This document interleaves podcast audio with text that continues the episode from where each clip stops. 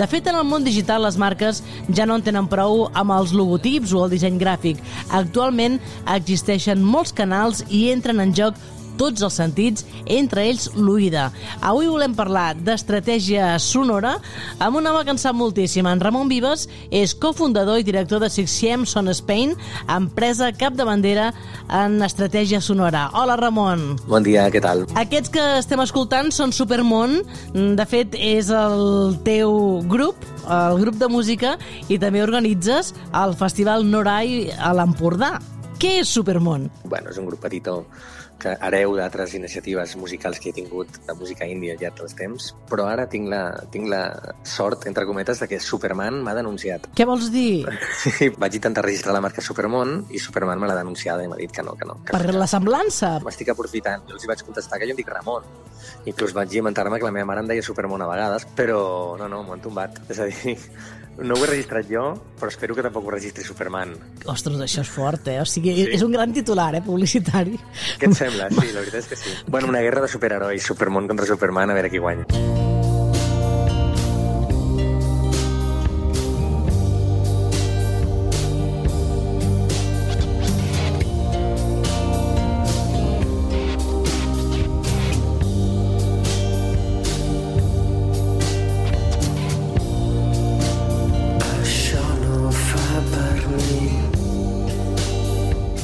És exactament l'audio branding?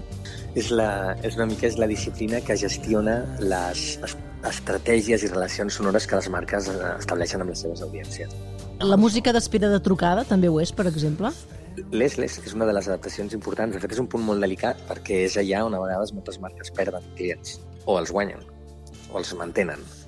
Però sí, és de fet, eh, tot el que imaginis és molt fort perquè hi ha moltes marques amb les que treballem que moltes vegades es, pues, pues, s'adonen compte de que hi ha punts de contacte que desatenien o que no hi, ni, eren, ni eren molt massa conscients de que estaven sonant allà i que també hi sonen. No?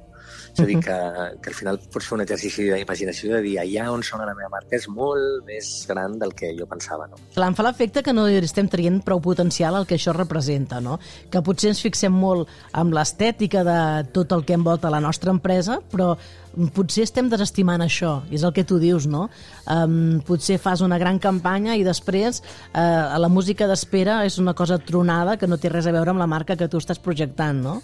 Absolutament. Ara mateix faig una crida, mira, m'acaba de sortir, eh? però ahir vaig veure un, un, una publicitat un anunci, una, una, un vídeo promocional xulíssim de l'Ajuntament de Barcelona, vale? que venia en Barcelona d'una forma superpotent, amb música de llibreria. I dic, però què estàs fent?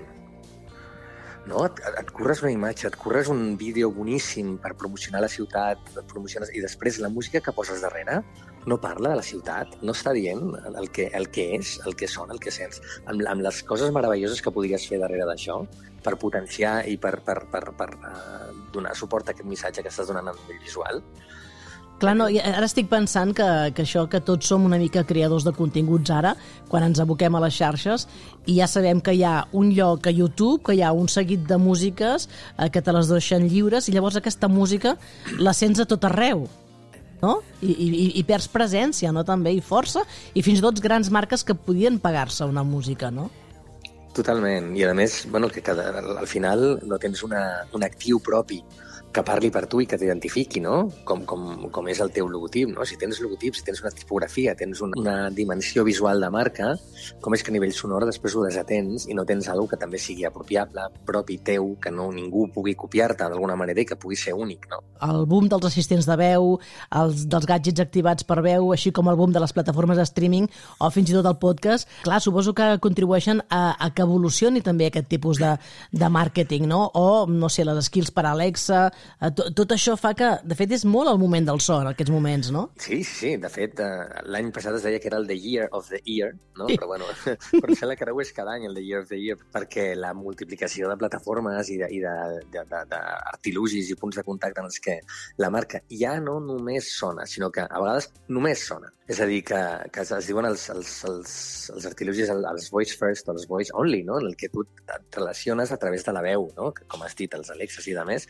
però moltes altres eh, bueno, possibilitats que hi haurà en el futur. No sabrem quina serà la que es quedarà, però sabem que amb les marques i amb els aparells i amb les nostres uh, interaccions diàries amb la tecnologia acabarem parlant amb ella, perquè és el mm -hmm. més fàcil. És el més intuïtiu, el més còmode, el que, a més, pots expressar-te exactament el que penses i el que ets, i d'aquesta manera tu pots relacionar-te amb, amb, amb tot el teu entorn digital amb la veu. Així es farà i així et retornarà també amb so. Aquesta relació ha d'estar eh, marcada d'alguna manera perquè el logo visual es perd i el nom de la marca el temps te'l pot dir, però, però, però per ser creïble l'has de potenciar, no? Va directament a la memòria, no? Hi ha vegades que hi ha gent que té memòria visual, però tot plegat jo crec que encara és més important la memòria auditiva, no?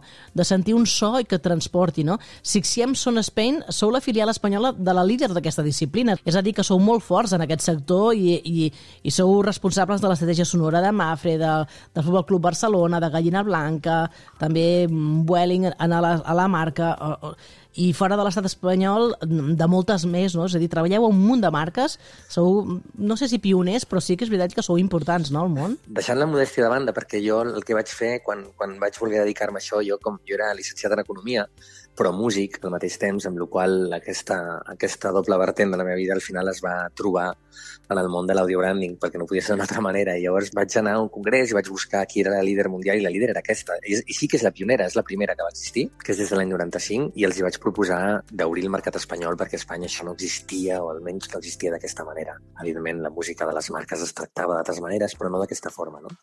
I llavors vam obrir a Espanya, ja fa, ja fa força anys, ja fa uns anys. Estem a tots els continents i, i, i tenen això, doncs, doncs tenim empreses com, doncs, no sé, doncs AXA, l'estratègia global d'AXA, del Roland Garros, de, de, del Tour de França, també tenim Dior, Cartier, tenim Louis Vuitton, tenim moltíssimes marques amb les que treballem. Uh -huh. De tots els sectors, a més. Sectors uh, B2B i B2C també, és a dir, que, que també anem a, a B2B, com a 15, per exemple, els fem tota l'estratègia sonora, que és molt important per les marques que no tenen clients finals, persones uh, físiques, o, sinó que tenen clients com a altres empreses com a clients, també han de fer un ús del so estratègic i també els ajuda moltíssim treballar amb agències com la nostra. Ara, mentre es parlaves i t'estava escoltant, pensava, clar, com s'aconsegueix que no quedi antiga? Perquè així com ens passa amb la imatge, potser amb el so també ens passa això que s'ha d'anar actualitzant una mica, no? Absolutament. Sí, de fet ho fem. Els nostres clients, com que tenim la sort de que treballen durant molts anys amb nosaltres també, i es posen a les nostres mans per d'alguna manera ser els seus guardians honors, doncs passen per molts relifts de marques, no? en funció de doncs, com la, la,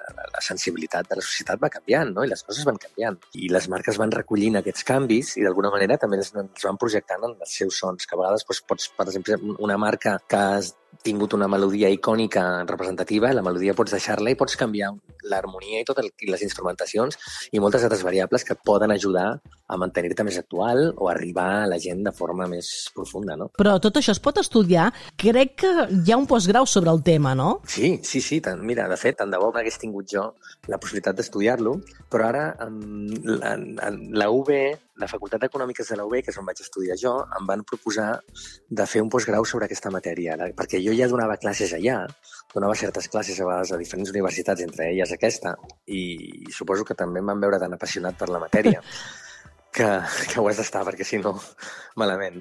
I, I em van proposar de, de si tindria sentit muntar un postgrau. I l'hem muntat. De fet, l'hem muntat, ens hem rodejat de professionals boníssims de tot el país, eh, tant de branding com de disseny, com de música, etc. I hem muntat un postgrau a la, a la Facultat d'Econòmiques, de, un postgrau petitó, bueno, de 100 hores, de, que dura tres mesos, i que començarà el mes d'octubre. I, bueno, si la gent el vol buscar, Audio Branding UB. Audio Branding és la paraula clau per trobar aquest postgrau i poder-vos eh, especialitzar en això. És, és una altra de les opcions que s'obren doncs, de, de noves formacions, nous oficis sí. que a vegades no tenen ni nom encara, Tant però que, que, però, postgrau, que són de futur, està molt bé. Escolta, mira, se m'acudeixen dues coses. Primer, ja que hem fet tanta teoria, ara posarem sí. uns minuts d'un exemple de tot això que heu explicat i després un altre dia podies venir a l'estudi i, i juguem una mica amb els oients a endevinar sons, per exemple. Això estaria oh, bé, no? M'encantarà. Jo això ho faig a les classes a vegades. I si no adivinen la marca, almenys els faig adivinar el sector a vegades. Que bo, que bo. I si no el, i si no el sector, quins valors està transmetent i per què i de quina manera. Mm. És a dir, que sí, és una meravella. Genial. Doncs gràcies, Ramon Vives, de doncs això, Estratègia Sonora, cofundador i director de Sexiem Son Spain, una empresa capdavantera en això, en estratègia sonora. Gràcies, una abraçada. Moltíssimes gràcies a vosaltres. Fins aviat. Anem a la prova. Escolteu. Vueling. Gallina blanca. Mafre. Meet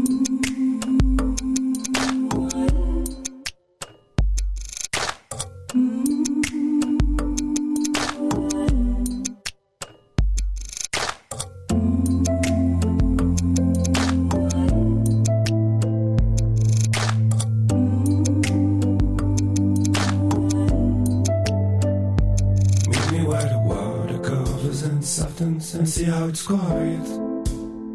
How nature protects us,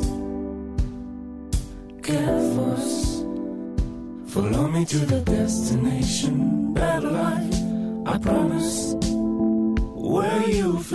I el branded sonor de la marca La Roche-Posay. En Ramon Vives ens ha dit en plan secret que d'aquí a poc sortirà la sonoritat del Barça, que encara no es pot desvetllar, no el podem sentir, però hi han treballat moltíssim, per tant, estarem expectants.